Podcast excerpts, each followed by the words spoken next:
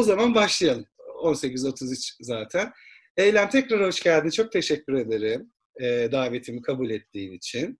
E, biz e, dinleyicilerimiz için de e, çok kısa hikayemizi anlatayım. Eylem benim çok uzun süredir birinci derecede bağlantım e, LinkedIn'de. E, ama birbirimizi simayen veya hani kişi, kişisel olarak tanımıyorduk.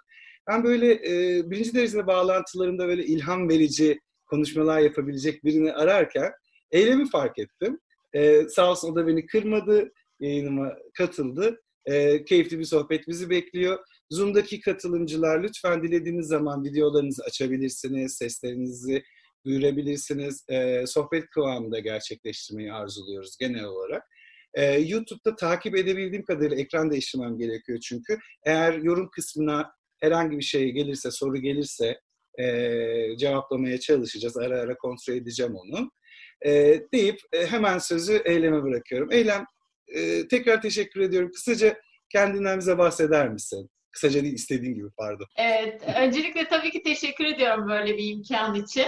Ee, evet, bağlantıdaymışız. Ben de hani e, farkında değildim bu bağlantıda olduğumuzun. Çünkü bir, yani LinkedIn o kadar büyük bir platform ki birçok insanla bağlantıdayız ama onları direkt yüz yüze tanımıyoruz aslında. E, bu vesileyle hani iletişime geçtiğin için çok teşekkür ediyorum. Bu platformu sunduğun için bana çok teşekkür ediyorum. Umarım bugün bu akşam e, bizi dinleyenlere, izleyenlere faydalı bilgiler verebiliriz. Onlara bir nebze ışık olabiliriz, ilham kaynağı olabiliriz. Ben e, 12 yaşında İsviçre'ye geldim. 12 yaşında bir mülteci ailenin çocuğu olarak İsviçre'ye geldim. Mültecilik hayatı yaşadım 7 yıl. Hani şu an mültecilik çok e, gündemde olan bir konu. İşte olumlu veya olumsuz birçok e, fikir var. Ama ben e, mülteciliği birebir İsviçre'de Avrupa'nın en zengin, en refah ülkesinde mülteciliği yaşadım ve aslında hiç de o kadar güzel tecrübe edilmesi gereken bir durum değil. Bu zorluklarını da şöyle yaşadım. Ben Türkiye'de çok e, çalışkan ve çok başarılı bir öğrenciydim. İsviçre'ye gelince tabii ki sıfırsınız, sıfırın altındasınız, dil yok, e, hiçbir tecrübeniz yok ve kendinizi ispat etmek zorundasınız. Ve e, tabi tutulduğum bir sınav sonucu orta halli bir okula verildim ama be, benim hedefim hukuk okumaktı ve e, iyi bir okulda okumaktı. Fakat yabancı olduğum için bundan 30 yıl öncesinden bahsediyoruz istediğim okula notlarım tuttuğu halde gönderilmedim. Kabul daha doğrusu kabul görmedim. Çünkü okuldaki ilk yabancı öğrenci olacaktım ve bunu o zamanlar istemiyorlardı. Neyse ki şu an birazcık daha durum değişti.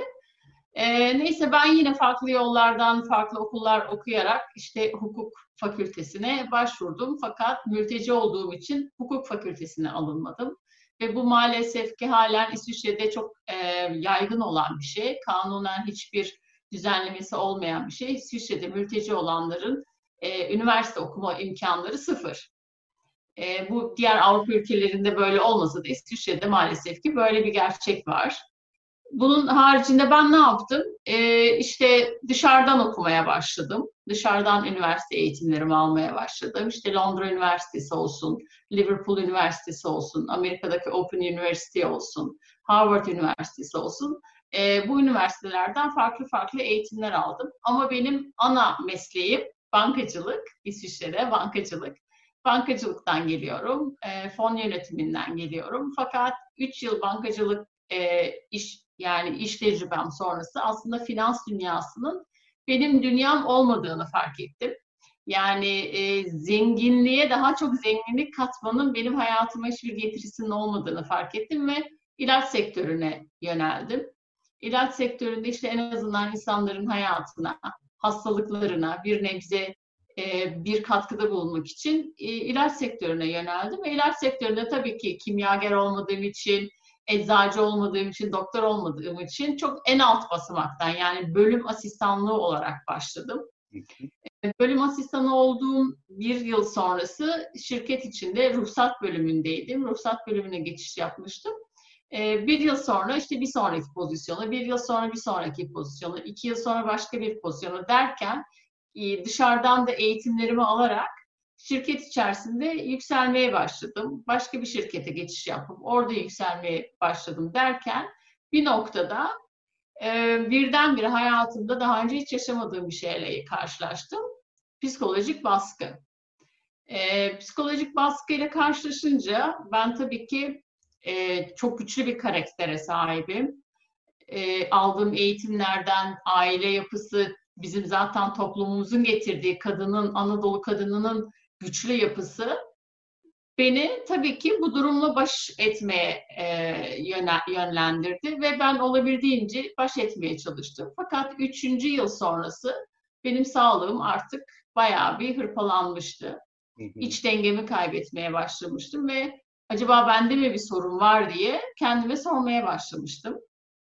Ve acaba gerçekten aslında bende bir sorun var ki bu benim başıma geldi e, diyecek seviyeye gelmiştim ve iki küçük çocuğum varken evde onlara da yetememeye başladığımı gördüm.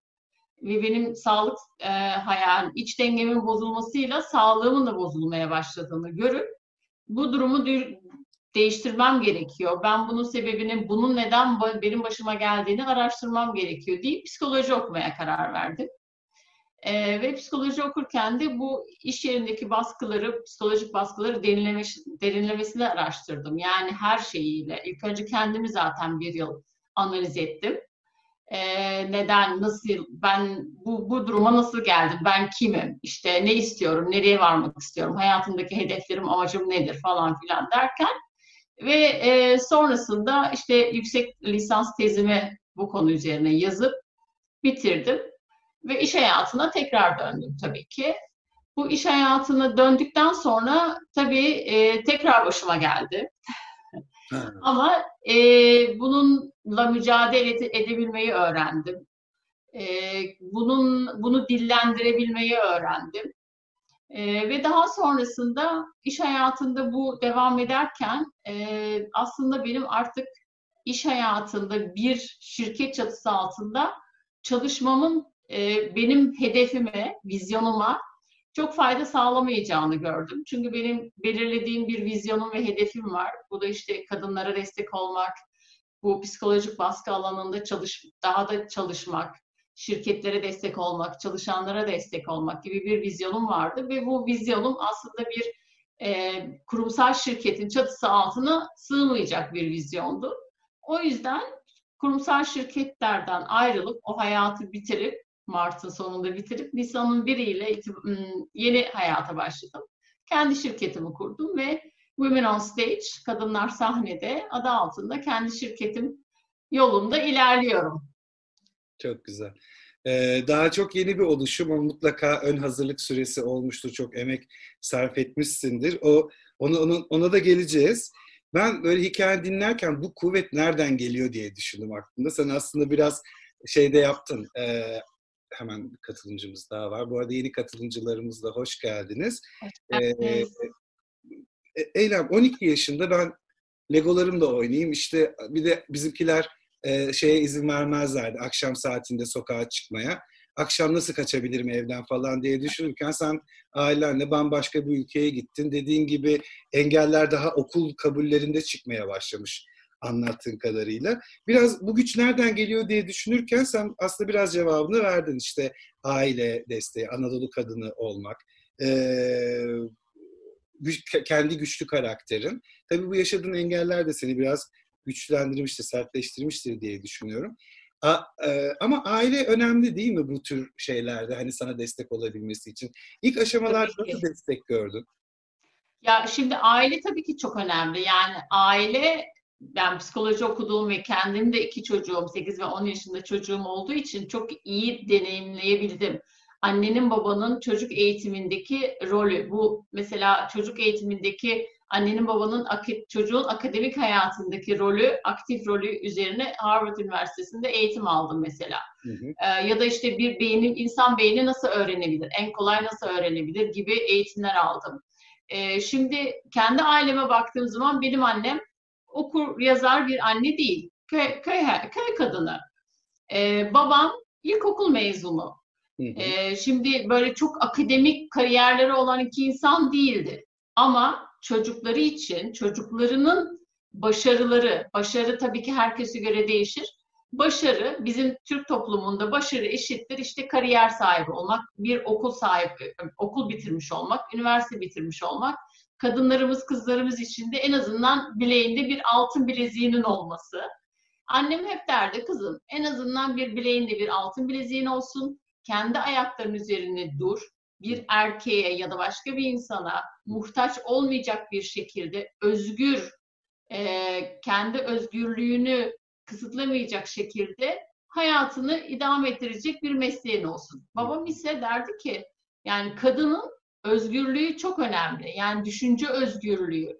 Sadece kadının değil tabii ki erkeğin de ama şimdi kadın erkek bir şekilde işte o inşaatta da çalışır, orada da çalışır, burada da çalışır. Belki hayatının e, devam ettirebilir, bir yerden kazanç elde edebilir ama kadın öyle her işte çalışamaz derdi. Evet.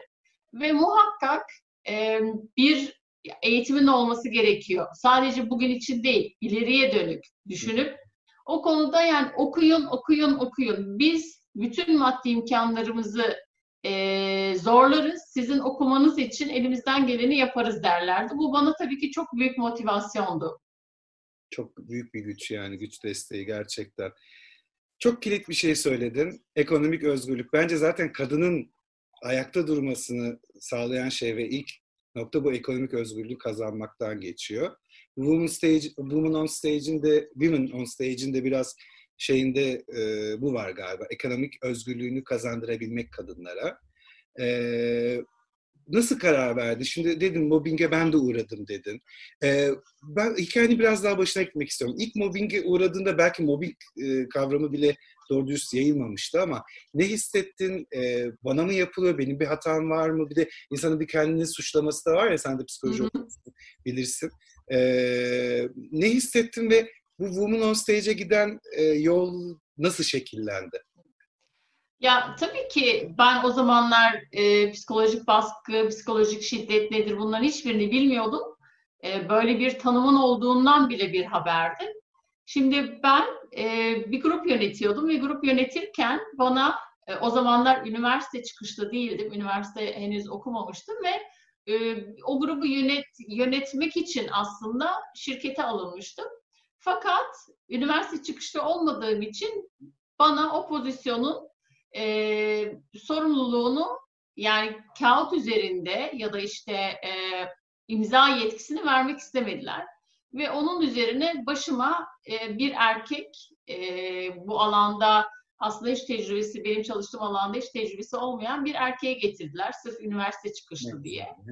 Ve tabii ki ben o kişiyi bir yıl eğitmek zorun, zorunda kaldım. Bu süre içerisinde tabii ki çok diyaloglarımız oldu.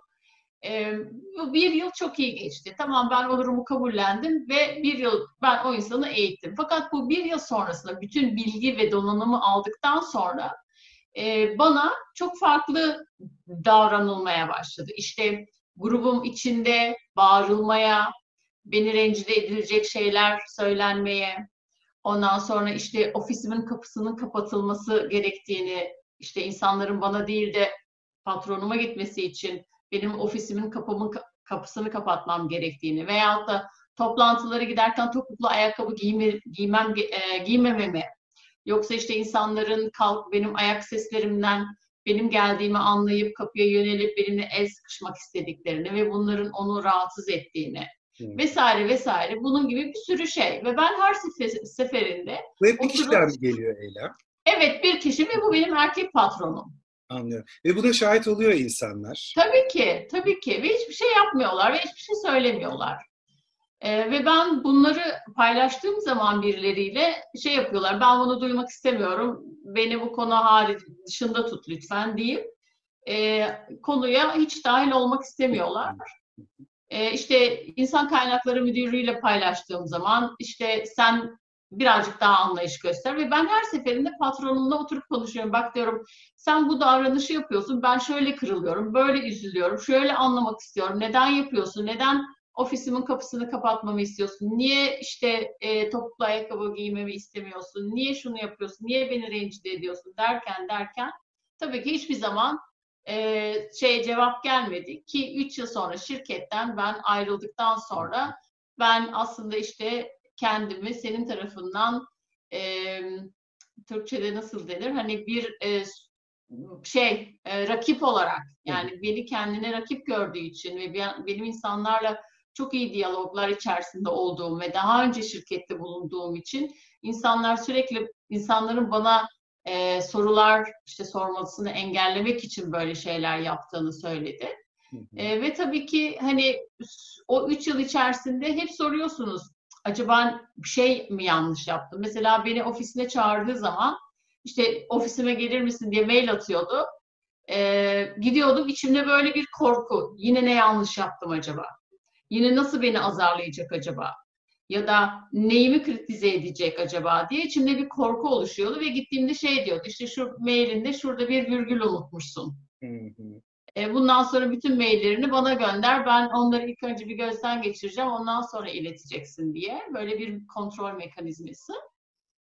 E, ve zaman içerisinde o kadar alanınız daralıyor ki yani her attığınız adımı adımı bir kere düşünmek, her verdiğiniz kararı yüz bin kere düşünmek, her söyleyeceğiniz lafı on kere düşünmek e, ihtiyacı hissediyorsunuz ve bir korku. Tedirginlik sürekli değil mi? Aynen bir tedirginlik. Çünkü bu bir stres yaratıyor ve stresle beraber bir tedirginlik yaratıyor ve o tedirginlik de zaten insanın iç dengesini alt üst ediyor. Ben de böyle başlamıştı. Peki e, sen bunun eğitiminde aldığını söyledin, araştırmalarda yaptın, elinde istatistik bilgiler de e, vardır muhakkak. Şeyi merak ediyorum. Biz hep mobbinge uğrayan tarafı düşünüyoruz ya. Tabii ki insan doğası gereği onlara empati duyuyoruz. Peki mobbingçilerin profiliyle ilgili bir data var mı elimizde? Nasıl insanlar bunlar? Ne tür karakteristik özellikleri var ve bunu niye yaparlar? Yani evet bu konuda çok araştırmalar yaptım o 3 yıl boyunca. Aslında şöyle birkaç tane mobbing yapan profil tipleri var. Bu aslında çocukluktan başlayan bir şey. Yani mobbing artık o kadar aşağı seviyelere indi ki yani anaokullarına kadar indi. Ee, anaokullarında bile mobbing uygulayan çocuklar var. Bunun üç tane e, aslında sebebi var. Bir, yukarıdan gelen baskıyı daha zayıfa iletmek. Yani aile içerisi, aile içinde şiddet varsa, aile içinde çocuk kendini ifade edemiyorsa, aile içerisinde e, kendi isteklerini, dileklerini, niyetlerini dile getiremiyorsa, enerjisini atamıyorsa bu aynı şekilde şirket içerisinde de aynı aynı şekilde devam ediyor. Yani o bundan 20 yıl önce mobbinge uğrayan şahıs 20 yıl sonra mobbing, mobbing uyguluyor veyahut da anaokulda uygulamıştır, ilkokulda uygulamıştır, üniversitede uygulamıştır ve kimse belki görmemiştir ya da görüp hiçbir şey yapmamıştır. İş hayatında o imkanı bulunca uyguluyor. Diğer bir faktör ise e, aslında kendilerinin uygulan yani böyle bir şey yaşamadıkları fakat karşısındakini kendini bir rakip olarak yani karşısında karşıdaki insan ve ben de yetersizlik ve değersizlik duygusu yaratıyor. Karşımdaki insan benden daha güçlü mü acaba? Daha iletişimi güçlü, şu alanda daha bilgili, bu alanda daha bilgili deyip kendinde yetersizlik ve değersizlik duygusu oluştuğu için Tam da Sevgi Hanım lafınızı e, lafını unutma lütfen. Sevgi bize yetersiz insanlar yazmış ben soruyu sorar sormaz. Senin ikinci maddene de çok uydu. Teşekkürler Sevgi. Aynen kesinlikle. Yani kendilerini yetersiz hissettiklerini e, farkına varıyorlar ama bunu dillendiremiyorlar. Yani ben bu konuda kendimi yetersiz hissediyorum senin bu davranışından dolayı. Gel beraber el ele verelim. Ne yapabiliriz? Ben bu duygumdan nasıl vazgeçebilirim? E, demek yerine tabii ki baskıcı kişiliği oynuyorlar. Baskıcı insanı e, oynuyorlar ve burada liderlik aslında liderlik eğitimi alan birçok insan var.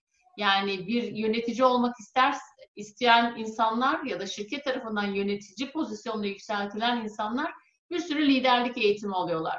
Ama bu liderlik eğitimin içinde kendilerine dönüp çok bakan çok az insan var. Ya da işte bu eğitimleri verirken bu hani kendime aynada kendime bakayım ben aslında nasıl davranış sergiliyorum, nasıl duygularım bende oluşuyor, hangi duygular bende oluşuyor, ne zaman hangi duyguları neler tetikliyor diye çok az eğitimler veriliyor. İşte bu mobbingle alakalı, bu psikolojik baskıyla alakalı eğitimler de aslında bu liderliklerin eğitimin içine girmesi gereken eğitimler. Doğru. Bu konuda henüz çok fazla bir şey yok, e, eğitim yok ya da e, düşünce yapısı henüz çok fazla gelişmiş değil.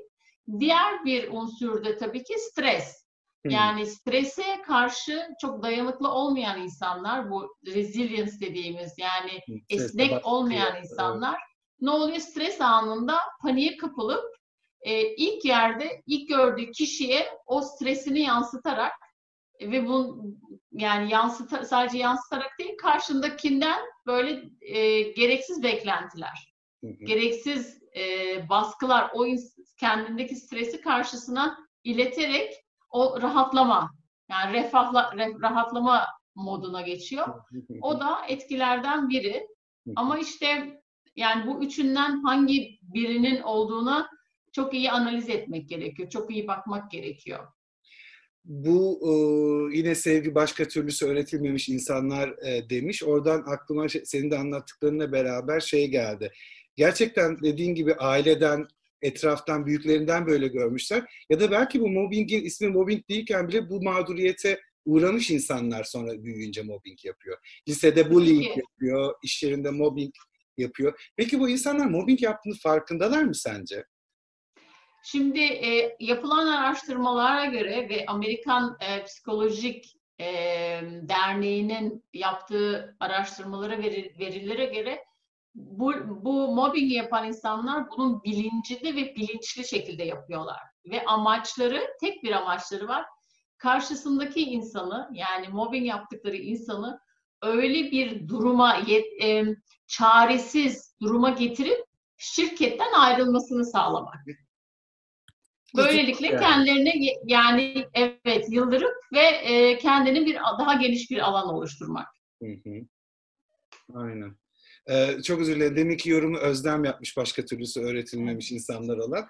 Gamze de yıldırmak olarak desteklemiş söylediklerini.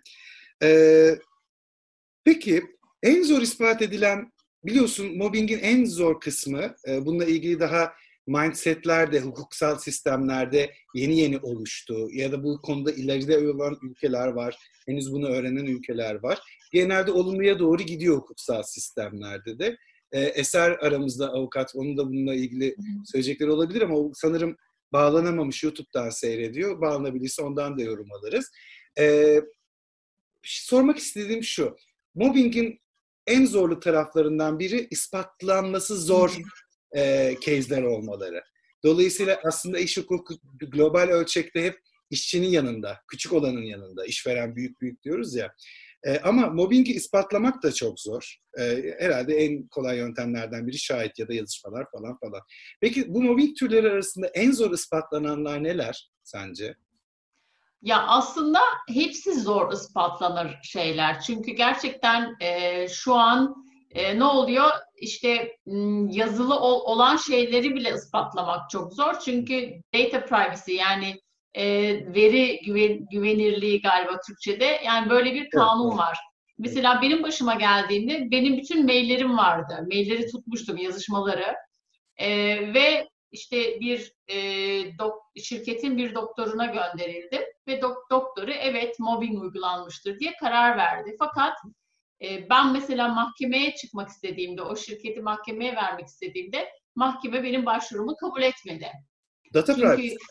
Evet yani kabul etmedi çünkü e, şey dediler yani elinizdeki mailler karşı tarafın izni olmadan alınmış mailler yani çıktısını almışsınız. E, biz bunları hiçbir şekilde kullanamayız ve sözel e, söylediğimiz zaman işte bana böyle dedi, şöyle dedi, şöyle dedi. Ne oluyor? O sizin kendi işte interpret, interpretation diyoruz İngilizce'de. Algılama. Ha, algılama. Evet. Aynen. Sen öyle algılamış olabilirsin ama karşındaki ona öyle sana öyle iletmek e, istememiş olabilir ya da iletmemiş olabilir. Yani sonuçta sen suçlu duruma düşürüyorsun. Çünkü o senin algın. Senin algın yanlış. Yani zaten e, yani bu bu süreçten geçen insanlara söylenilen en büyük şey, en çok söylenilen şey senin algın yanlış. Yani sende bir hata var. Sen bir şeyleri yanlış anlıyorsun. Sen bir şeyleri yanlış e, hissediyorsun. Yanlış ya da farklı e, yorumlar katıyorsun. E, o yüzden işte evet şahit lazım ama herkes de şahit olmak istemiyor. Çünkü kendi işini kaybetmekten korkuyorlar. Aynen öyle. Çünkü o mobbingi yaratan, psikolojik baskıyı yaratan insanlar çok güçlü insanlar. Çok yukarıya doğru çok e, güçlü ve çok yetenekli insanlar. E, aşağıya doğru mobbing yaparken yukarı doğru yapamıyorlar tabii ki ve onların sözü sizin sözünüzden daha güçlü. Kesinlikle. Ee, hatta yukarıya verdikleri ki bunu ben de yaklaşık herhalde 18 sene kurumsal deneyimim var. Yukarıya verdikleri imaj o kadar farklı ki evet. böyle bir şikayetle daha üst seviyede gidince şaşırıyorlar yani. Böyle bir şeyi beklemiyorlar. Aynen. En çok olan şeylerden de biri bu. Yani gidiyorsunuz diyorsunuz ki böyle böyle. Ben mesela ikinci sefer yaşadığımda bir şirkette 5 sayfalık bir raporla gitmiştim. Ve şahit olmuşlardı bana arkadaşlarım, e, bölüm arkadaşlarım bana işte bağırılmasına vesaire. Yapılan davranışları ben not etmeye başlamıştım ve 5 3 3 ay içerisinde yapılan olumsuz davranışları not edip 5 sayfalık bir raporla gitmiştim e, insan kaynaklarına ve insan kaynakları şey demiş olamaz. Bu insan böyle bir şey yapamaz. Hayatta olamaz. Yani ne oluyor? Ben siz yalan söylüyormuşsunuz. Yani olmayan bir şey varmış gibi gösteriyorsunuz ve size inanılmıyor. Yani böyle bir şirkette çalıştığınızı düşünseniz yani ki milyonlarca insan çalışıyor. Mesela verilerden e, bahsedersek daha bu hafta yine verileri güncel güncel verileri e, derledim bir TED Talk için. Hı hı. E, yap, yeni yapılan Pardon. yeni yapılan araştırmalarda göre evet. Amerika'da yüzde 67 çalışan yani çalışanların yüzde 67'si e, mobbinge uğruyor. Ama Avrupa'da yüzde 83'ü Nasıl ya? Yüzde 83? Evet. Avrupa'da yüzde 83 ve İsviçre'de daha 2018'de yapılan bir araştırma, 2019'da yayınlandı. Her 5 milyon çalışan var İsviçre'de. 8 milyonluk nüfusun 5 milyonu çalışan. Bu 5 milyon çalışanlardan 5'te biri yani 1 milyonu her gün mobbinge uğruyor. Yani rakamlar inanılmaz çok bilim dışı bir yorum yapacağım. %83 dedin ya. Hadi yarısı overreact ya da abartıyor ya da yalan söylüyor diyelim. %50 olsun. %50 bile çok ciddi bir rakam ki %83. Tabii ki. Evet. Ve şöyle bir durum var. Yani Dünya Sağlık Örgütü, e, Birleşmiş Milletler ve e, Avrupa Birliği. Bunların üçü bütün şirketlere şu an yani sayfalarına girip bakabilirsiniz. Bu 2030 Sustainable Agenda dedikleri e, Sustainable ne kaldırılabilir mi? Ne Görülebilir. Ha evet ajandalarında e, üç numarası mesela sağlık, dünyadaki sağlık, sağlık hem ruh sağlığı hem beden sağlığı e, üzerine e, çalışıyorlar. Yani bu alanda diyorlar ki şirketlere şirketlerinizde ruh sağlığını, çünkü mobbing gerçekten ruh sağlığını çok olumsuz şekilde etkileyen e, bir şey. Ne oldu? İlk önce stres, sonrasında kaygı, sonrasında depresyon, sonrasında burnout ve intihara kadar gidiyor. e, ve bana LinkedIn'den çok kişi yazıyor. Şu an mesela o konuyu paylaştığım için işte e, in, şeyde İspanya'da bir e, hastane sahibi bana daha bu hafta yazdı ben dedi sizinle bu konuyu konuşmak istiyorum. Benim hastanemde intihar eden e, hemşire ve doktor sayısı artmaya başladı. ve biz araştırdığımızda altında mobbingin yattığını gördük. Bu konuda ne yapabiliriz? Yani bundan daha beter bir şey olabilir mi? İnsan hayatını evet. almaya yönelik artık. Hani bir aslında dolaylı bir cinayet. Aynen. Ee, kesinlikle. Çok... Ve yani e, bütün bu işte Dünya Sağlık Örgütü, Birleşmiş Milletler, Avrupa Birliği şirketleri diyor ki kanunlarınıza bunu eklemek zorundasınız. Ve İsviçre'de daha bundan birkaç yıl önceye kadar e, Türkiye'de durum e, nedir? Türkiye'de aslında kanun var. İsviçre'de bundan birkaç yıl önceye kadar mobbingle alakalı hiçbir kanun yoktu. Hı Halen yok fakat ruh sağlığı yani şirketlerin çalışanlarının ruh sağlığını e, ruh sağlığını e, zor, zorlayacak ya da ruh sağlığını olumsuz şekilde etkileyecek e, bütün e, şeyleri ortadan kaldırmaları gerekiyor diye bir zorunluluk tutuyor. Zorunluluk e, yap, bir yaptırım var. Fakat buna rağmen yani beş çalışandan birisi mobbing görüyorsa ve İsviçre istatistikleri yani bunlar veriler e, İsviçre'nin e, internet sayfasında yayınlıyor, bakanlığın sayfasında yayınlıyor, Sağlık Bakanlığı'nın sayfasında yayınlanan datalarsa demek ki iş yerleri şey yapmak zorunda. Sadece İsviçre'de değil, dünyada ve yapmıyorlar. Evet. Ee, peki devlet e, regülasyonları olmadan bu işi kendi inisiyatifiyle ele alıp mobbingi önleyici uygulamalar yapan şirket örnekleri var mı elinde? Bunu gerçekten iyi beceren. Ben şu an İsviçre'de hiçbir şirket görmedim. Yani bu benim gördüğüm. Ben e, şu an 20 yıldır ilaç sektöründe çalışıyorum ve 20 yılda e, 7 tane şirket için çalıştım ve hiçbir yerinde görmedim. Ama bu benim kendi tecrübem ve konuştuklarım, konuştuğum kişilerle de e, hiçbirinde yok. Tabii ki işte olumlu iş kültürü, e, işte destekçi iş kültürü diye bir sürü bir sürü e, girişimler var. Fakat bu girişimlerin altında işte mesela on, unbossing ya da speak up diye işte sesini yükselt, sesini konuşur.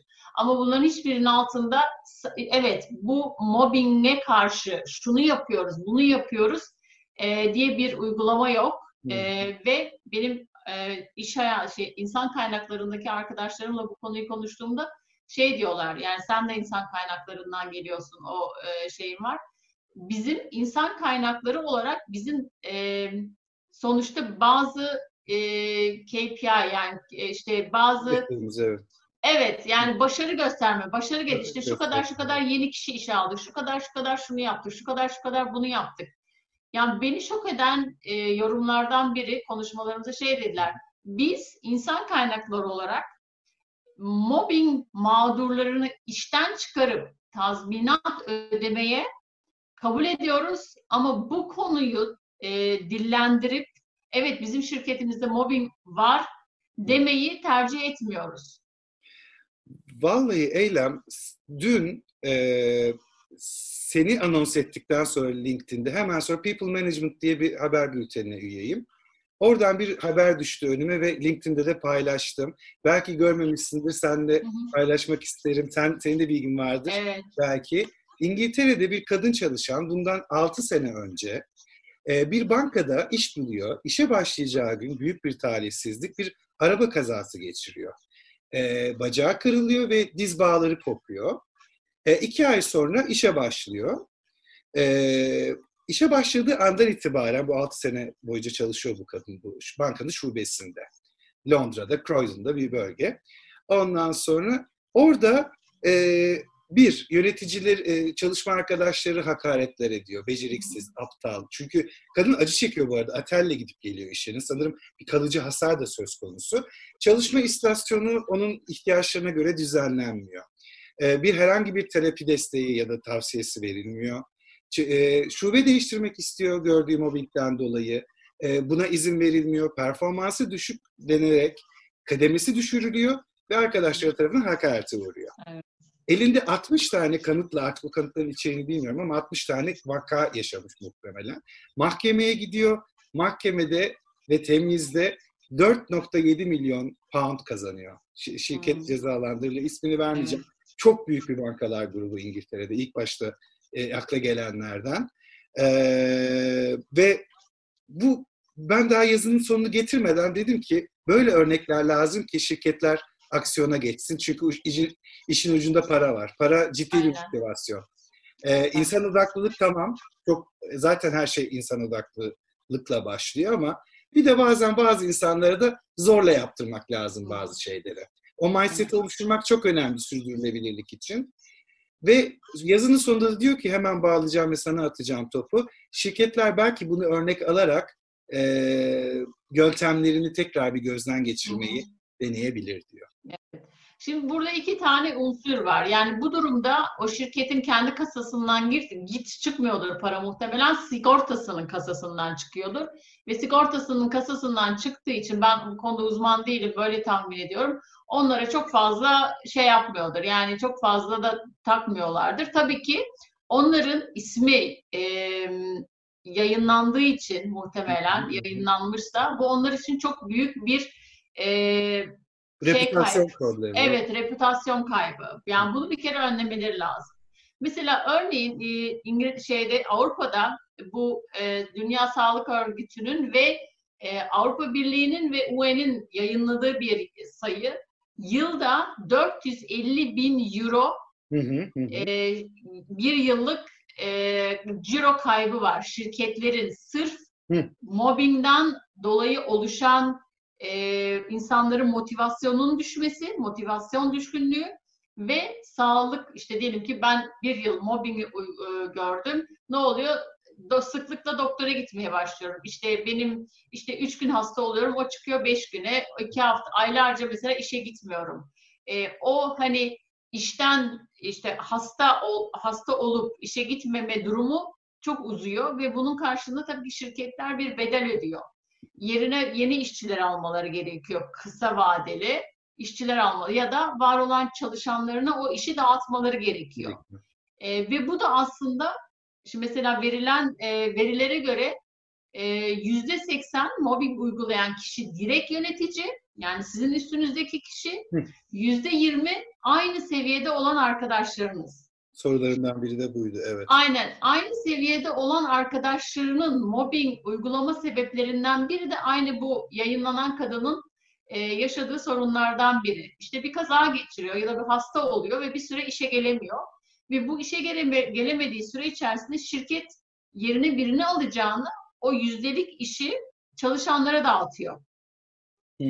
Ve bu çalışanlara dağıtılan iş tabii ki ben yüzde yüz çalışıyorsam arkadaşımın yüzde yirmisini de alıyorum. Zaten yüzde yüz çalışmıyorum, yüzde yirmi, yüzde kırk çalışıyorumdur. Öbür yüzde de geliyor ne oluyor? Ben yüzde altmış, yüzde seksen çalışıyorum. E benim ailem var, iki tane çocuğum var. Bu bende bir psikolojik baskı e, yaratırken karşındaki insana kinleniyorum. Senin yüzünden bu benim başıma geldi. Sen işte böyle olmasaydın, şöyle yapmasaydın senin işini ben yapmak zorunda kalmayacaktım diye onlarda bir içten içe kinlenme oluyor ve o insan işe döndüğü zaman, geri döndüğü zaman ne oluyor? O insana karşı bir gruplaşma olmuş oluyor. Çok çok ilginç. Yani damla efekti gibi giderek büyüyor zarar. Ee, peki iki tane birbiriyle bağlantılı sorun var. Bir tanesi cevabını biliyorum. Kadınlar mı erkekler mi daha çok mobbinge uğruyor? Kadınlar. Kadınlar. Ee, peki mobbingçiler genelde kadınlar mı erkekler mi? Erkekler. Erkekler. O zaman konu yavaş yavaş senin girişimine geliyor. Buna geçmeden önce mobbingi şöyle bağlayalım mı Eylem? Ee, benim aklıma gelen sorular bunlar ama e, e, eğer e, eklemek istediklerin olursa seve seve dinleriz. Mobbinge uğrayan insanlar ne yapmalı? Başta, ortada, sonda? Tamam. Şimdi mobbinge uğrayan insanların bir de profiline bakmak lazım. İki, pro, iki tip profil var. Ee, birinci profil e, yetenekli insanlar. Yani gerçekten yetenekli, tecrübeli, donanımlı insanlar. Ee, ve bu donanım karşısındakine ne oluyor? Yetersizlik ve değersizlik e, duygusunu tetikliyor ve orada bir çakışma oluyor. Eğer mobbing yaşıyorsanız e, bunu paylaşabilirsiniz bizimle. E, donanımlısınızdır. Yani e, iletişim gücü, yetenekleriniz çoktur, tecrübeniz, bilginiz vesaire vesaire. Bir diğeri ve şey desiniz yani çok dışa dönük yaşıyorsunuzdur. Extrovert dediğimiz. Herkesle çok çabuk anlaşır, girdiği ortama güneş gibi e, saç, e, saçılır vesaire vesaire.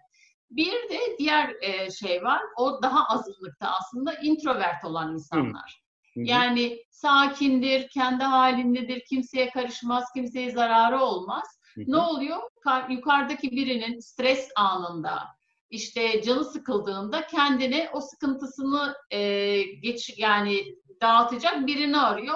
Ek, ekstroverte gidemez çünkü hemen cevabını alır. Ne Tabii. oluyor? Introverte gidiyor. Introvert içine dönük olduğu için orada bir çöp kutusu gibi duran bir, bir çöp kutusuna bir kağıt atıyor gibi mesela işte elindeki çöpü atıyormuş gibi. Ee, ve o insan da sesini çıkarmadığı için zaten kendi halinde kimseye karışmıyor, kimseye etmiyor.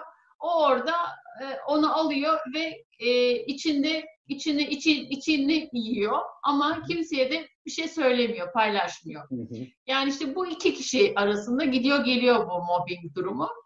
E, neler yapabilirler? Tabii ki bir kere ilk önce kendilerine bunun bu davranışın kabul edilmez olduğunu yani karşıdakine sen bana böyle davranıyorsun ama Bunu ben kabul etmek istemiyorum. Bu benim kabul edebileceğim bir davranış değil veyahut da iş ortamı. Değil mi? Stratejiye gerek yok değil mi? Aynen. Açık iletişim. Doğru. Aynen bu hani pozitif iletişim. Ben e, şu an hani şey hakkında da işte sen beni kırdın, üzdün falan filan e, de değil. Ben bu davranışını kabul etmek istemiyorum. Biz burada eğer aynı çatı altında çalışıyorsak, beraber çalışmamız gerekiyorsa birbirimize saygı çerçevesi içerisinde. Bu benim değer yargılarıma uyuşmuyor.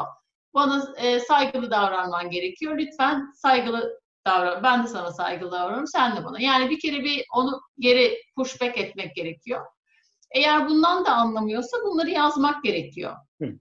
Nasıl Ve, yazmak? Ona mı yazmak yoksa? Hayır yani kendi kendimize not etmemiz gerekiyor. İşte sabah geldim iş yerine e, bana işte şunu söyledi. Çünkü mesela birileri eğer size mobbing uyguluyorsa size farklı isimler de takabiliyorlar. Yani bu da bir mobbing. Mesela işte farklı farklı isimler takıyor size.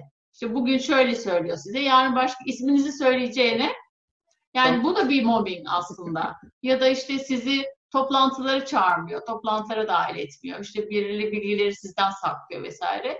Hani gidip dine bu bilginin benim için önemli olduğunu biliyorsun. Ben bu bilgiye dahil olmak istiyorum. Ya da işte toplantıda benim de bulunmam gerekiyor. Bir dahaki sefere toplantıya benim de davet edilmemi istiyorum gibi böyle evet. e, dile getirmek gerekiyor ve bunları da yazmak gerekiyor. Tabii ki yazmanın da birçok şirket şey kullanıyor. İşte extern dışarıdan bir şirket kullanıyor. İşte telefon açıp işte psikolojik sorunlarınızı ya da e, destek al, alabileceğiniz e, numaralar var. E, onlar ne kadar destek veriyor bilemiyorum. Hiçbirini aramadım, sormadım ama insan kaynaklarına gittiğiniz zaman hani bu elinizdeki yazıyla gittiğiniz zaman e, en azından onların haberi oluyor. Ha ne kadar yardımcı oluyorlar, ne kadar destek veriyorlar o da tartışılır. Aynen, Çünkü birçok şirket henüz o seviyede değil. Ama en azından kendiniz için bir de e, şey yapabilirsiniz, destek alabilirsiniz. Yani bu bir illa bir psikolog olması gerekmiyor. E, bir e, da, koç olabilir, bir arkadaşınız olabilir. Kendi kendinize sorabilirsiniz. Bende bu duygu işte bana böyle bir şey, ben böyle bir şeyle karşılaştığım zaman bu bende nasıl bir duygu yaratıyor? Hangi duygumu tetikliyor diye kendinize sorup ona göre e, yöntemler alabilirsiniz. Ona göre adımlar atabilirsiniz. Ama sesinizi çıkarmak muhakkak şart. Çünkü e, ben 3 yıl boyunca hani suffering in silence diyoruz. Yani kendi kendime. Yani kimse sesimi duymadı, kimse yardım etmek istemedi hiç kimseye destek olmak istemedi. Ne oldu? Kendi kendinize e, yani bir elmayı düşünün. Gün içerisinde işte günler geçtikçe pörsüyorsunuz ve böyle sadece posanız kalıyor. Muhakkak. E, bu arada biraz soru birikti. Onları da e, bir bakalım istersen. E, mesela e, sorulardan sonra Gamze anlatmak isterse ben de aynı durumdayım demiş. Tam da istediğimiz e, elimizde örnekler var mı diye konuşurken gelen bir yorum oldu. Onu dinleyelim. Ee, Sevgi Bahar, e, mobbing ile cinsel tacizi nasıl yorumlarsınız demiş. Tam olarak ne demek istediniz? Evet yani cinsel ta çünkü mesela cinsel taciz artık e, şirketlerde zero tolerance yani hiç tolerans gösterilmeyen bir şey. Daha ileride yani mobbinge göre. Aynen tabii tabii çok artık e, bütün şirket politikalarına e, entegre edilmiş bir şey mobbing değil. Cinsel ta- taciz tabii ki e, arada cinsel tacizde bir ten teması var. Yani işte evet. toplantıda otururken işte bir erkek arkadaşınızın elinizi elini bacağınıza koyması gibi ya da sürekli omuzuna koyması gibi ya da saçını hani başınıza koyması gibi. Yani bir temas. Veyahut da sözel işte bugün çok güzelsin, bir güneş gibi parlıyorsun ya da işte seni görünce içim açılıyor gibi böyle çok aslında hani gereksiz e, tacizler ya da işte e, bugün işte etek giymişsin ama birazcık daha kısa olsa çok daha güzel olur. Çünkü bacakların çok güzel mesela. Bu cinsel tacize giriyor. Ama mobbing aslında mobbing üç şekilde, e, üç ana dalı var yine. Bir işinizle alakalı yani sizin işinizi direkt e, nokta atışı yapmak için işte e, sizin işinizde yeterlisiniz ama yetersizlik yetersiz olduğunuzu hissettirmek istiyor. ya da kişisel, kişinizle, kişiliğinizle alakalı. İşte e, sen işte çok iyi bir iletişimin olduğunu düşünüyorsun ama aslında değil. Ya da işte sen e, çok güzel bir e-mail yazdığını düşünüyorsun ya da işte ne bileyim e, insanlarla çok iyi e, diyalog içerisinde olduğunu düşünüyorsun ama aslında değilsin. Yani orada sizin kişiliğinize, aslında yeteneklerinize de e, atıfta bulunuyor, e, olumsuz. E, bir de tabii ki e, sizin iş hayatınızı tabii ki olumsuz olabildiğince e, kötü yapmak için geliş gidiş saatlerinizi kontrol eder. Mesela işte saat 8'i 5 geçe gelmişseniz niye 8'e gelmediniz? Kontrol.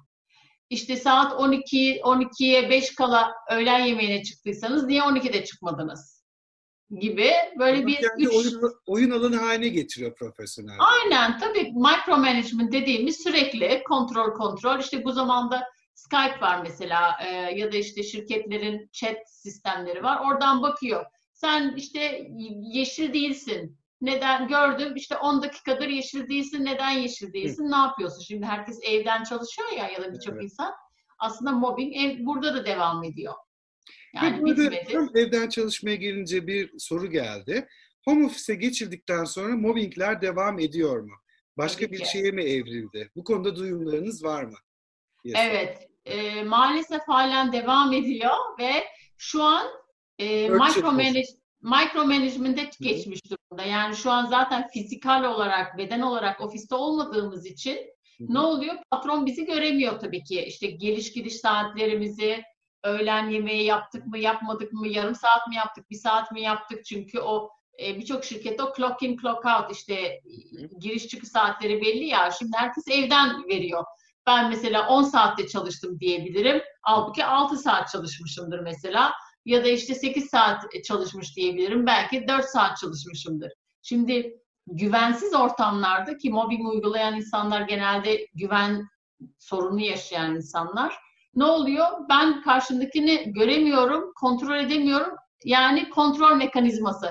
Bana e, daha bu hafta patronunun kendisine e, bir Excel tabelası hazırladığını ve sabah kaçta işe başladığını ne zaman öğlen yemeği yediğini, akşam kaçta bitirdiğini ve arada hangi projeler üzerine kaç dakika çalıştığını rapor etmesi gereken bir Excel tabelası gönderdiğini paylaştı.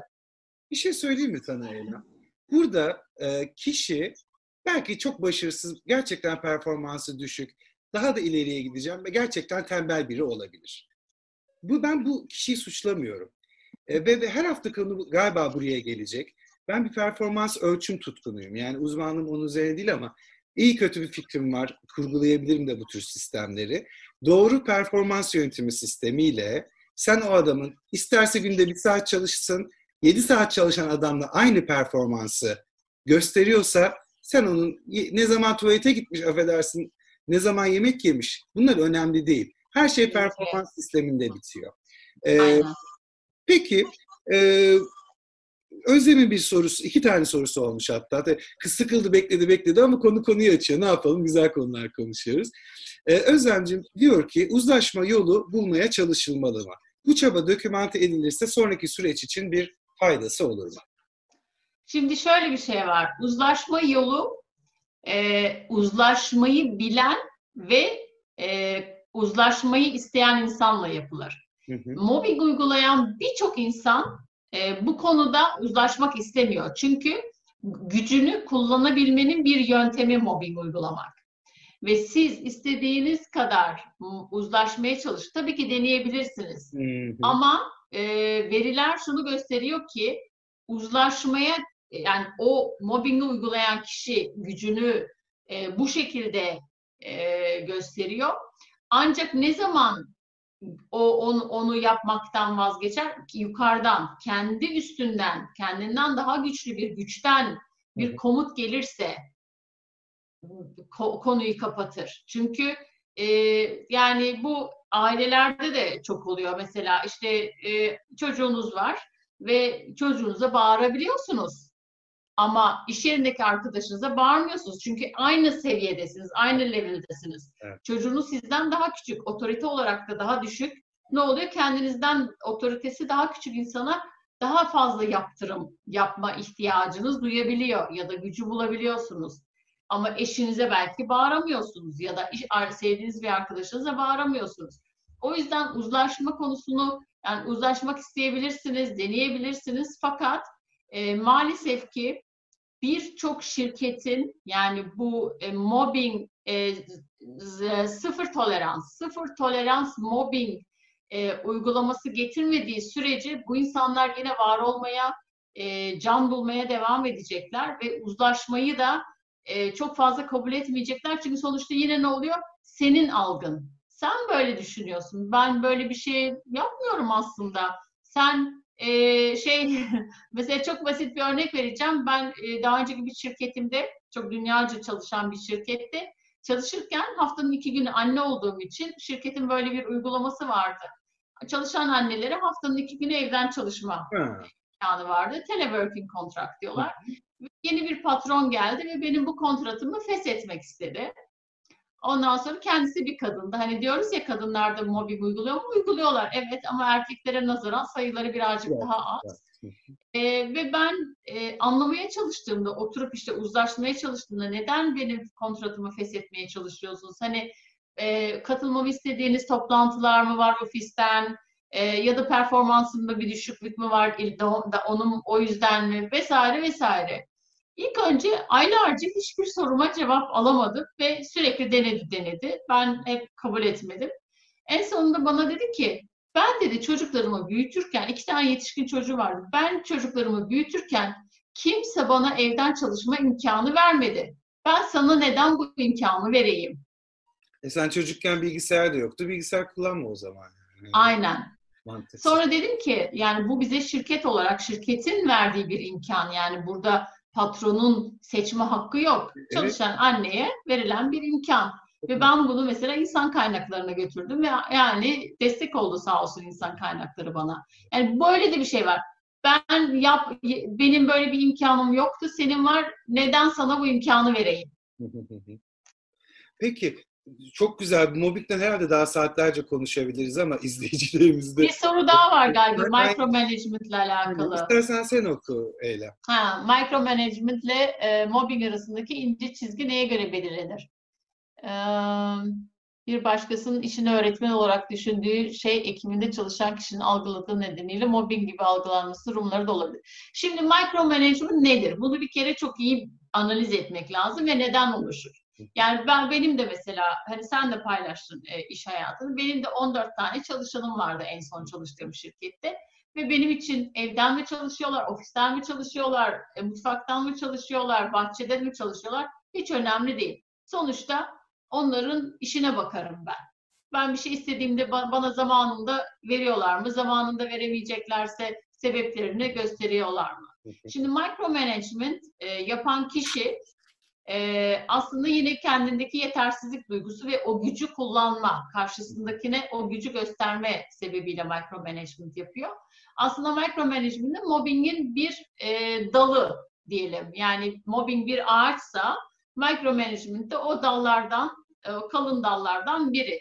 Orada işte bir bakmak lazım. Ben neden micromanagement? Karşımdakinin e, bana bazı şeyleri bildirmesi yani düzenli bir şekilde bildirmesini ben neden istiyorum? Ben sonuca bakarım, sonuç odaklıyım.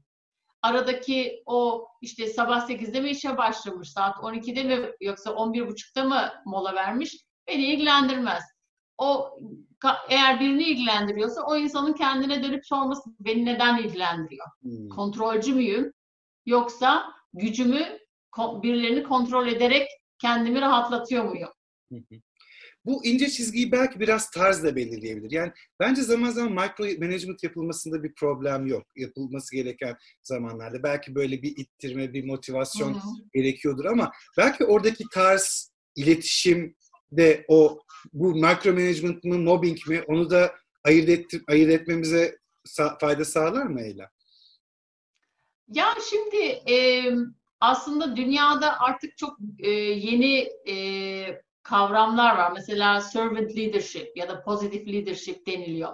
Yani şimdi bu pozitif ve servant leadership'in içerisinde micromanagement kesinlikle yer almıyor. Aynen, çünkü artık artık yani. Aynen. Çünkü şu an artık öyle bir özellikle bir, bu, bu Covid-19'la yani koronayla o kadar aslında olumsuz şey ama o kadar da bir güzel şey öğretti ki bize. Her insan evden çalışabilir. İnternetin olduğu her yerden çalışılabilir. Yani ben e, evden evde oturma odamda da çalışıyorum. Çocuğumun o odasında da çalışıyorum. Mutfaktan da çalışabiliyorum. Yani çocuğum evdeyken de çalışabiliyorum. Annem buradayken de çalışabiliyorum. Yani iş ortamı ben kendimi ne kadar rahat hissediyorsam, ne kadar e, güvende hissediyorsam, güvende hissetmek çok önemli. Psychologically safetyness yani ruhsal güvenlik. İş bütün şirketlerin aslında gittiği alan çalışanlarına ruhsal olarak güven güvenli ortamlar sağlamak. E, ben kendimi güvende hissediyorsam demek ki ben o insana yani o ortama, iş ortamına ruhen e, ve bedenen bağlıyım. Kendimi sorumlu hissediyorum. Yani kendi babamın şirketiymiş gibi sahipleniyorum ve onun için daha fazla çalışıyorum. 3 saat e, fazla mesai yapmışım, iki saat fazla mesai yapmışım. Çok fazla takmıyorum ama kendimi güvende hissetmediğim ortamda ne oluyor? Beş dakika fazla mesai yapsam yazıyorum onu. e, ve kendini güvende hisseden insan da ne mobbing yapmak ister, ne micromanagement yapmak ister. Demek ki bir şekilde o güvenlik duygusu e, karşındakine güvenmeme duygusunu tetikliyor. Karşımdakine güvenmiyorum. O yüzden kontrol etmeliyim ne yaptığını, gerekiyor, ne ettiğini. Gerekiyor. Güvenle alakalı. Yani güvenmediğiniz insanı kontrol etmek istersiniz. Hı-hı. Güvendiğiniz insana niye kontrol etme ihtiyacınız olsun ki? Doğru. Geçen haftaki konumla Ayşe ile de mikro liderlik üzerine konuştuk ve sadece yöneticiler değil herkes yani bakkal da mikro liderlik yapar, çocuk da. Ee, bir o, mikro, micro management'ı bırakıp artık mikro liderliğe hmm. yönelmek lazım belki de. Bu arada iş hukuk konusunda uzman avukat bir dinleyicimiz bize şöyle bir yorum yapmış. Bizim hukukumuzda e, şüpheye yer vermeyecek kesin delil aranırken e, eskiden şüpheye yer vermeyecek kesin delil aranırken artık mobbing olduğuna dair şüphe uyandıracak deliller sunulması yeterli hale geldi. Bu bağlamda çalışanı ispat edemeyeceğinden çekinmeyip yazışmalar, ses kayıtları gibi delillerle mahkemeye başvurması yeterli. Yani e, dinleyicileri de cesaretlendirmek adına bu bilgiyi paylaşabilirsiniz demiş. Evet. E, ses kaydından emin olamadım çünkü kişinin izni gerekiyor Türkiye'de bile olsa ya da o delil sayılıyor mu ama demek ki avukat arkadaşım bu konuyu böyle rahatlıkla dile getirdiğine göre insanlar çekinmesin elinde ne var ne yok Türkiye'de en azından başvursun evet. diyor. Peki Eylem kusura bakma müdahale edeceğim ama mobbing gerçekten güzel bir konu. Daha sormak istediklerim de vardı ama ben kalan süremizde biraz senin girişimini dinlemek istiyorum. Ee, neden diye sormayacağım. Artık zaten kendi hayatından yaşadın, çevreni gözlem, gözlemledin. Ee, Women, on, Women on Stage ne yapıyor? Women on Stage üç tane şey yapıyor. Birincisi görünmez kadınları görün, görünür kılıyor. Yani hı hı. kariyer alanında yetenekle yani kendi yeteneğini keşfedip o alana da gireceğim. Ee, hikayesi olan, hikayesini paylaşmak isteyen kadınlara sahne yani kadınlar sahnede bir sahne veriyor. Bizim mesela 27 Şubat'ta e, geçtiğimiz Şubat'ta Basel'de 130 kişinin katıldığı Güzel. bir e, ilk networking eventim, eventimiz oldu. Bunu ve orada eylem ben baktım ama bulamadım. Efendim? Kaydı var mı o konferansın? E, kaydı yok maalesef. Resimler var. Evet, ilk tecrübemiz olduğu için böyle çok çok e, kayıt falan yapamadık. E, ve o 130 tane kadınlı erkekli ama ağırlık olarak kadının, e, kadınların, çalışan kadınların katıldığı bir e, networking eventti. Ve sahnede 7 kadın vardı. Kendini sıfırdan var etmiş 7 kadın. İşte projeleriyle, şirketleriyle, çalıştıkları alanlar alanıyla yedi tane kadın kendini tanıttı, hikayesini anlattı onar dakika. Yani bir bunu yapıyor, yapıyoruz. Ee, bir sahne veriyoruz kadınlara. Kendi hikayelerini, hikayeni paylaş. Ve konumuz From Zero to Hero'ydu. Yani sıfırdan ne oluyor? Kahramana mı? Kahramana, evet. Evet, kahramana yani kendini sıfırdan gerçekten yaratmış, var etmiş kadınlara e, imkan sağlıyoruz.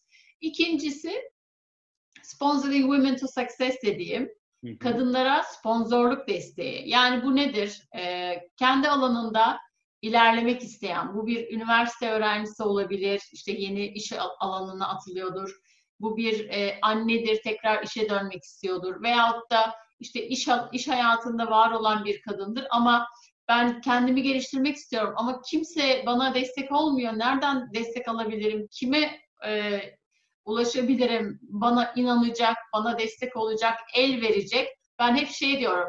Kan kardeş değil, can kardeş olmak. sponsorluk.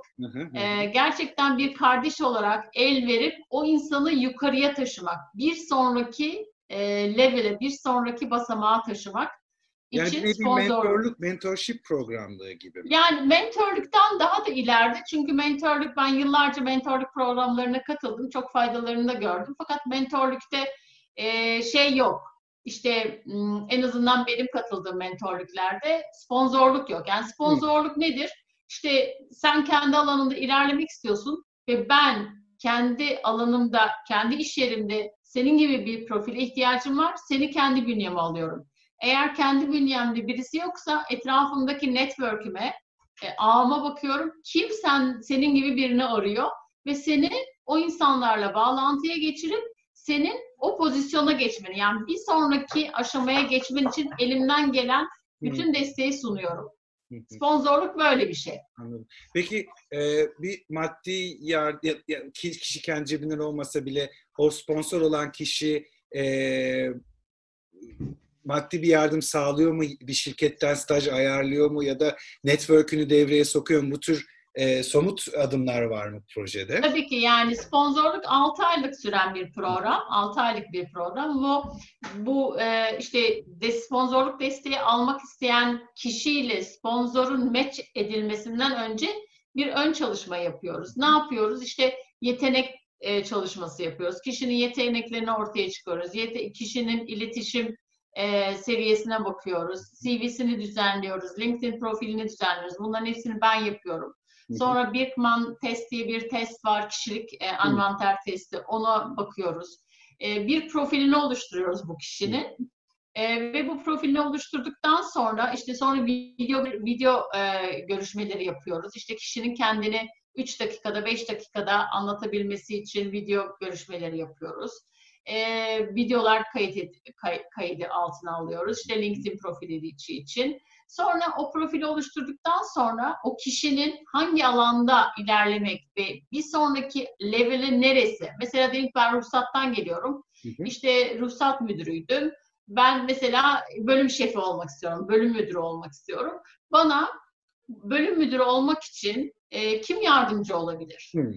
Ve ben mesela LinkedIn'le çok çalışıyorum. LinkedIn'de işte 30 bine yakın bağlantım var. Bu bağlantımlara bakıyorum. Birebir tanıdıklarım var, birebir tanımadıklarım var.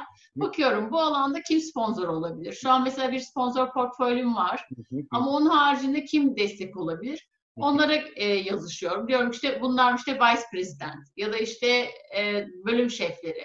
Diyorum ki siz işte böyle bir programımız var. Sponsor olmak ister misiniz? Böyle böyle bir profil var e, kabul edenlere sonra bir match ediyorum ve bu iki kişi beraber 6 ay boyunca çalışmaya başlıyorlar. ve bu 6 ay boyu süreçinde tabii ki o sponsor olan kişinin belirli görevleri var. Birinci görevi e, kendi bünyesinde bu profile iş verecek, verecek kapasitesi varsa kendi bünyesine almak, kendi bünyesinde yoksa kendi çevresindeki en az 3 lider ile bağlantıya geçirip o üç liderden birinin e, bölümüne transfer etmesini, edilmesini sağlamak çok kişinin. Güzel, çok güzel. Çok Bunun güzel. gibi ben daha daha detaylarımız var ama ana hedef bu sponsorlukta. Ben eminim ki çok güzel yerlere gelecek proje. Daha bebek adımları sanırım. Öncesi Aynen. ama şöyle bir üç sene sonra tekrar sohbet etmek isterim gerçekten. İnşallah. Evet. Benim hedefim bir e, yani bireysel kişilere destek vermek. Çünkü şirket içerisinde çalışıp işte o talent pool'una, yetenek pool'una giremeyen bir sürü bir sürü yetenek var. Orada da sen benden iyi biliyorsundur neler dönüyor, neler hangi kriterlere göre o yetenek e, pool'una giriyorlar. Oraya giremeyen ama o kadar e, yetenekli insanlar var ki benim hedefim onlara ulaşabilmek, onlara destek. O yüzden o görünmez kişileri gör, görünür kılmak ve ekonomiye kazandırmak hani konuşmamızın başında dedik kadının ekonomik özgürlüğü, ekonomik gücü. Hı hı. Gerçekten e, kadının ekonomik özgürlüğünü, özgürlüğü çok önemli ve kendi ekonomik özgürlüğünü ele al, almış kadınlar e, çok şey yapabiliyorlar. Yani zaten evde en fazla alışverişi yapan kadınlar, işte çocuğu eğiten genelde kadınlar, iş yerinde çalışanlarına yardımcı olan, destek olan genelde kadınlar vesaire vesaire.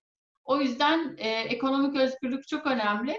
E, ücretlendirme konusunda da şey yani sponsorların hiçbir ücreti yok. Çünkü sonuçta kendileri e, böyle bir yetenekli bir e, profili kendi bünyelerine almakla o arkadaki o işte e, recruiter yani o aracı firmaları aradan çıkarmış oluyorlar. Bu benim için kötü bir haber falan.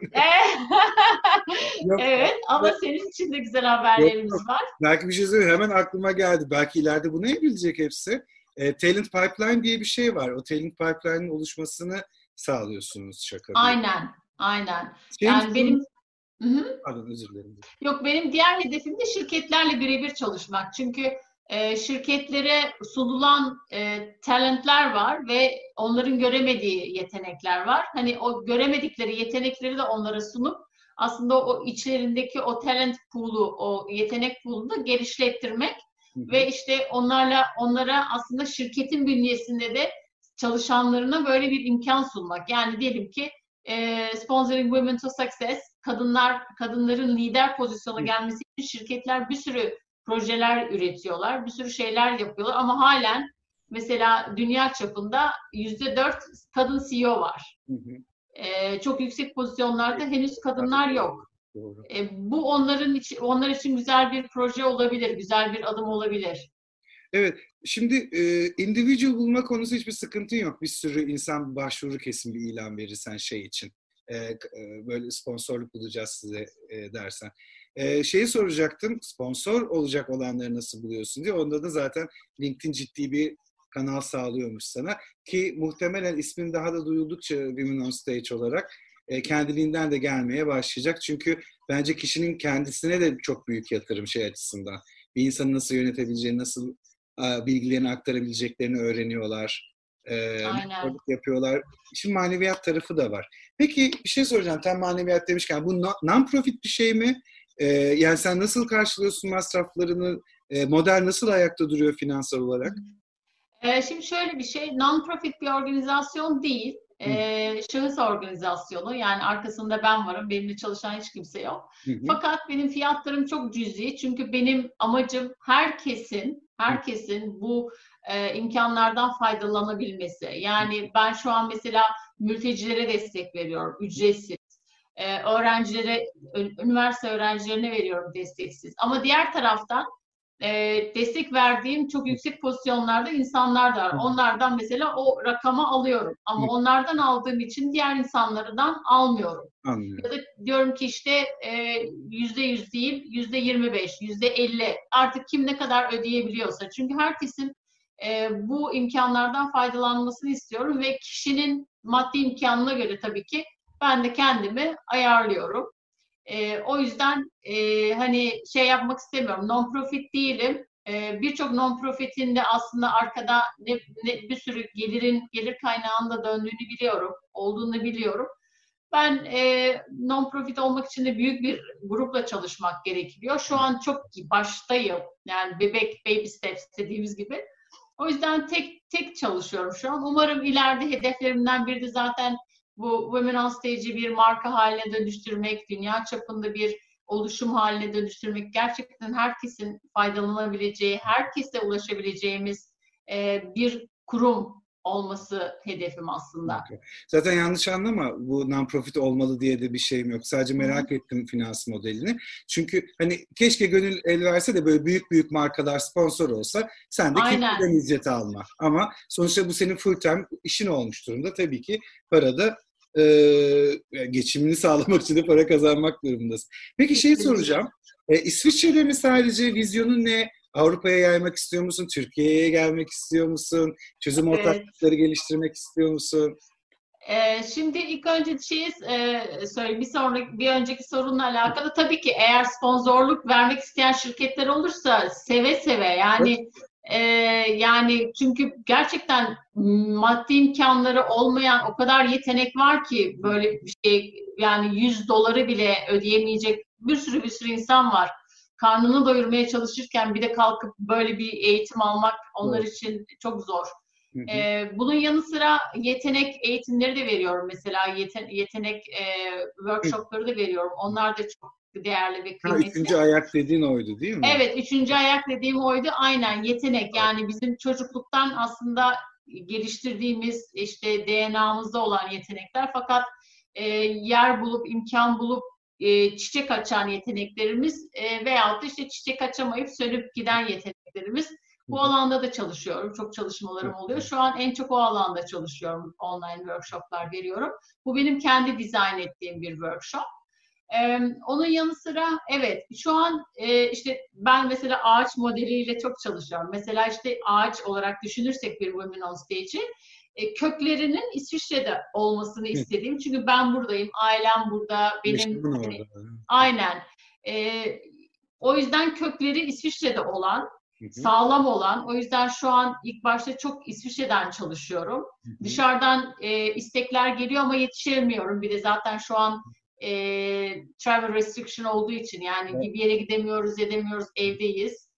E, İsviçre'de İsviçre'den sonra gitgide büyüyen işte gövdesi olan, sonra dalları olan, çiçek açan, yaprakları olan bir ağaç haline ve dünyaya tüm dünyaya yayılmasını istiyorum. İşte şubeleri olan, her şeye benim koşturmam gerekmeyen ama gerçekten yetenekli kadınların olduğu ve bu arada sponsorlarımız arasında erkekler de var. Yani sadece kadın sponsorlarımız yok.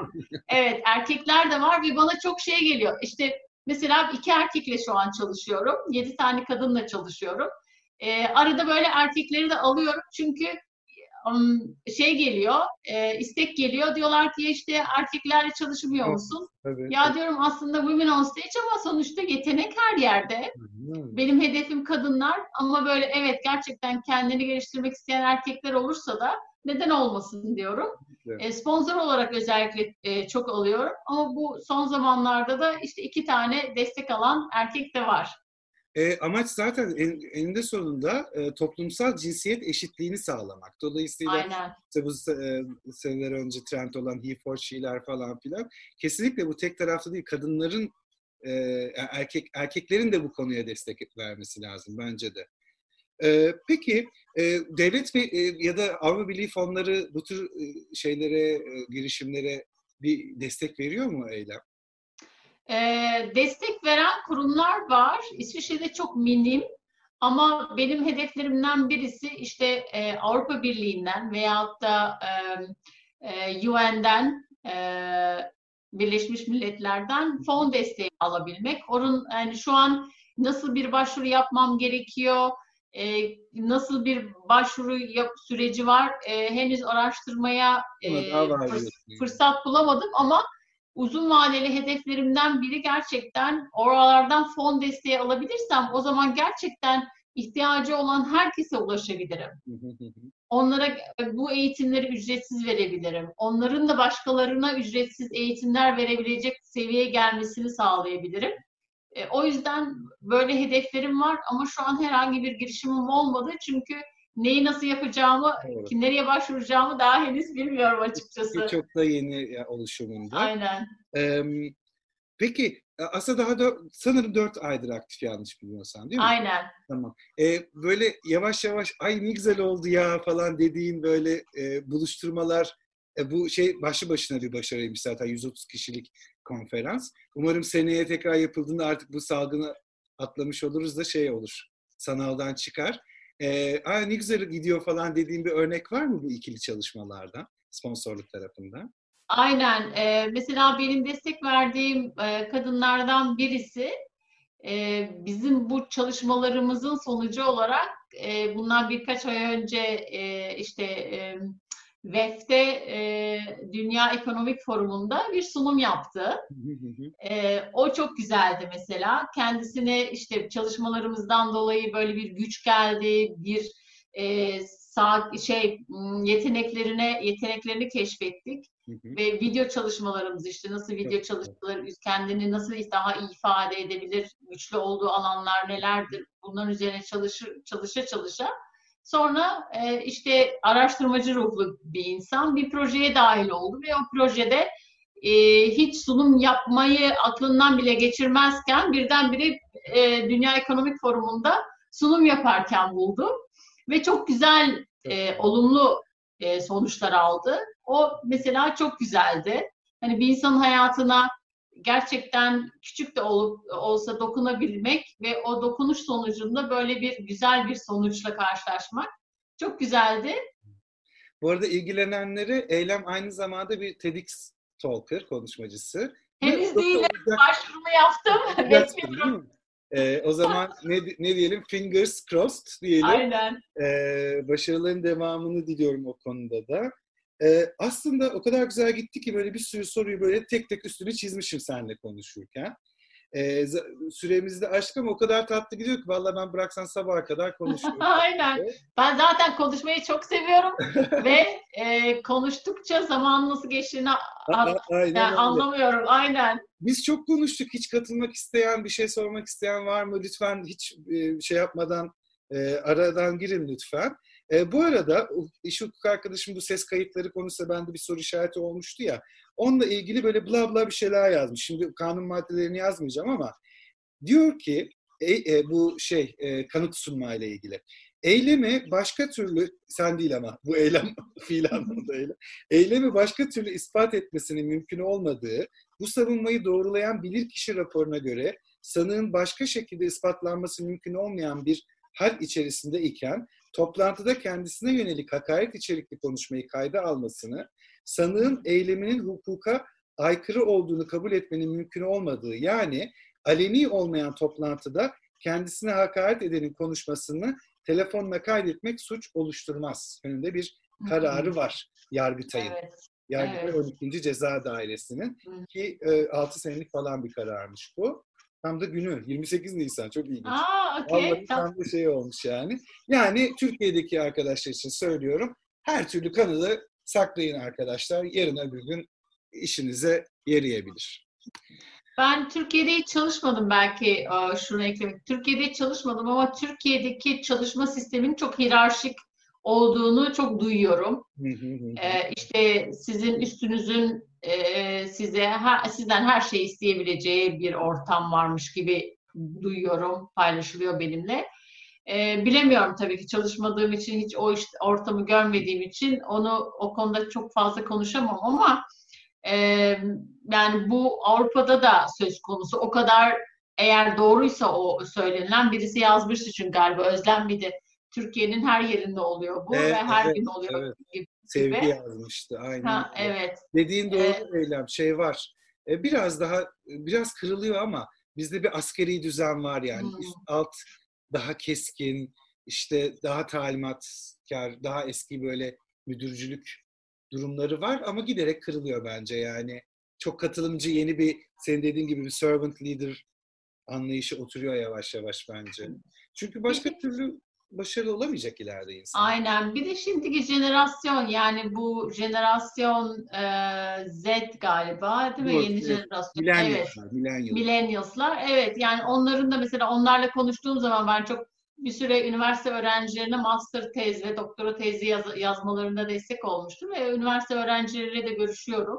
Hı hı. E, onların tabii ki e, bakış açısı bambaşka. Çok daha hızlılar, çok daha çabuk sıkılıyorlar, çok daha çabuk her şeyin e, olmasını istiyorlar. Yani Doğru. sen de biliyorsundur. Doğru. On, Öyle bir yönetim çalış- kabul etmezler zaten. Yani. Aynen. Yani ve flexible çalışmak istiyorlar. Günün saat günde 8 saat çalışmak istemiyorlar. Aralarla da aralarda başka şeyler yapmak istiyorlar. Ee, ve yani zaten yol o tarafa gidiyor. Bugünün gençleri yarının bundan bir 5 yıl sonra, 3 yıl sonra ya da 10 yıl sonranın liderleri. Bugünün çocukları bundan 10 yıl, 20 yıl sonranın liderleri. O yüzden hani bugüne çok fazla odaklanmayıp geleceğe odaklanmak lazım ama bugünü de düzelterek, bugündeki bugünün yanlışlarını düzelterek gelecekte tekrarlanmaması için önlemler alarak. O yüzden e, bence hani artık böyle işte micromanagement, mobbing, psikolojik baskı bunlar e, dünya artık farkındalığa ilerliyor. Şimdi Evet. görüyoruz zaten bu e, korona durumuyla alakalı insanlar daha çok içe dönmeye başladı. Evet. Meditasyon yapmaya, işte yoga, sporlar, işte kendine Aynen. zaman geçirmeye, e, dünya, no- doğada zaten kendine gelmeye başladı şimdi. Hep böyle bir içe dönüş var. Bu içe dönüşü de aslında liderliğe de uygulamak gerekiyor. Orada da katkısı çünkü çok fazla. Yani bir şey yapıyorum, neden yapıyorum? İşte birine bağırıyorum, neden bağırıyorum? Birine kontrol etmeye çalışıyorum, neden ediyorum diye kendimizi biraz sorgulayıp farkına varıp değişik değişime sebep olmamız gerekiyor.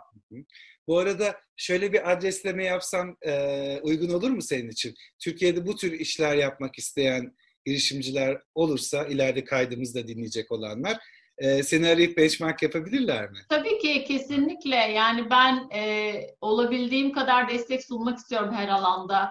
Kime ne kadar faydam olabilirse, kime ne kadar e, dokunabilirsem olumlu bir şekilde e, gerçekten ulaşsınlar bana. Konuşalım, sohbet edelim. Artık Zoom'u çok kullanıyorum. Ben daha önce mesela Zoom nedir bilmezdim.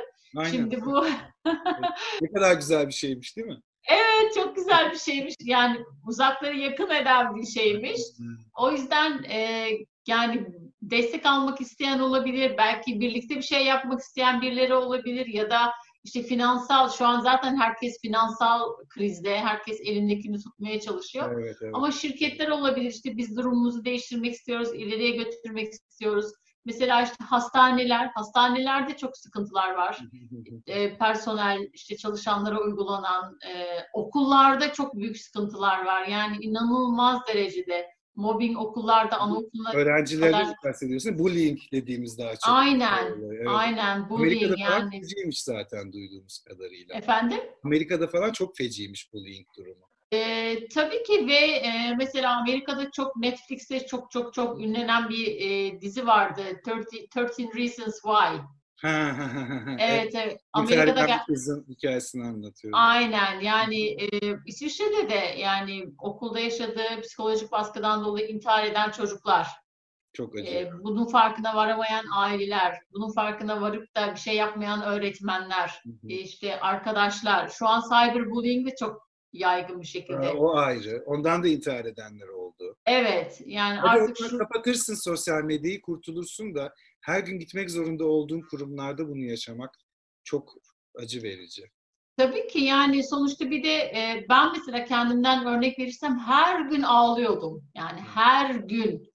E, ağlayıp tuvalete kaçıp ağlayıp tekrar ofisime dönüyordum. Kaçıp ağlayıp tekrar ofisime de hiçbir şey yokmuş gibi. Yani o güçlü duruş. Psikolojiyle vallahi yani hani Ee, şöyle bir şey, bir de e, yani ekonomik özgürlük deyince iki tane küçük çocuk var evde. ha, bir de E, maddi olarak çalışmak durumundasın. Yani e, İsviçre'de ona değinmedik mesela. E, kadınların kadınların çoğu çalışmıyor.